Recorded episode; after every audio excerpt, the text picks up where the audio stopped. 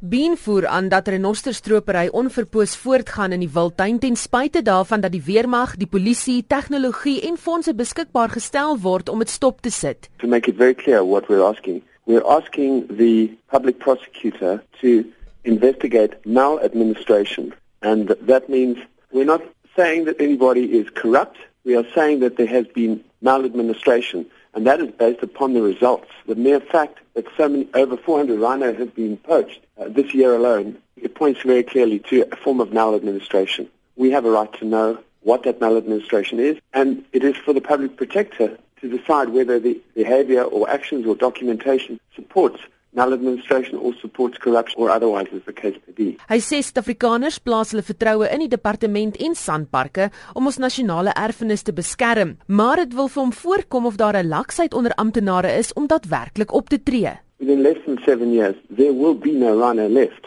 I'm talking about rhino in the wild. That'll be the end of it. So, at this point in time, we are just standing and watching while Rome burns. And my feeling is that the actions that Sandparks have taken at the moment to stop poaching is a bit like rearranging the deck chairs on the Titanic. We need to be much, much stronger to do it. Bean sê Mosambiek respekteer nie ons wetgewing nie en gewapende stroopers stroom daagliks die nasionale kreer wildtuin binne, stroop renosters en vlug weer land uit. Hy sê owerhede op eie bodem het daarom die reg volgens die sogenaamde hot pursuit regulasies of oorgrenspolisieeringspraktyk genaamd hakkejag, die reg om ook in Mosambiek in te gaan en stroopers te gaan vang. Bean sê in praktyk gebeur dit nie en heers daar grootskaalse verwarring.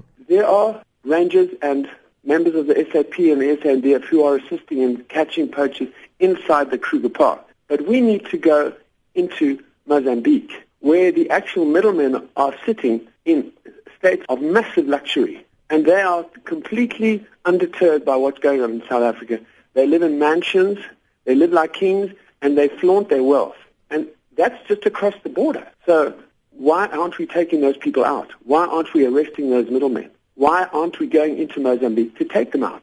So we know, for example, that this current process of anti-poaching is being run by General Johan Rüster. And I have been privileged to meet him twice, and I have a huge respect for him. But what is happening is he is being asked to handle this matter with one hand tied behind his back. And our goal is to try and give him complete unfettered discretion to do exactly what he thinks is right so that we can stop the poaching. And that means going to Mozambique and get the middlemen and the poachers. Bean sê verder dat die debat oor die verkoop van renosterhorings die fokus van die probleem af wegskuif. Hy sê hy gaan in die verband ook 'n voorlegging aan die komitee maak wat die kwessie tans ondersoek. Bean sê verder dat die verwarring rondom die skuif van renosters uit die Kruger Wildtuin ook nie vertroue onder die publiek inboesem nie, maar eerder meer vrae laat ontstaan. Where are these animals being moved to? Are they safe?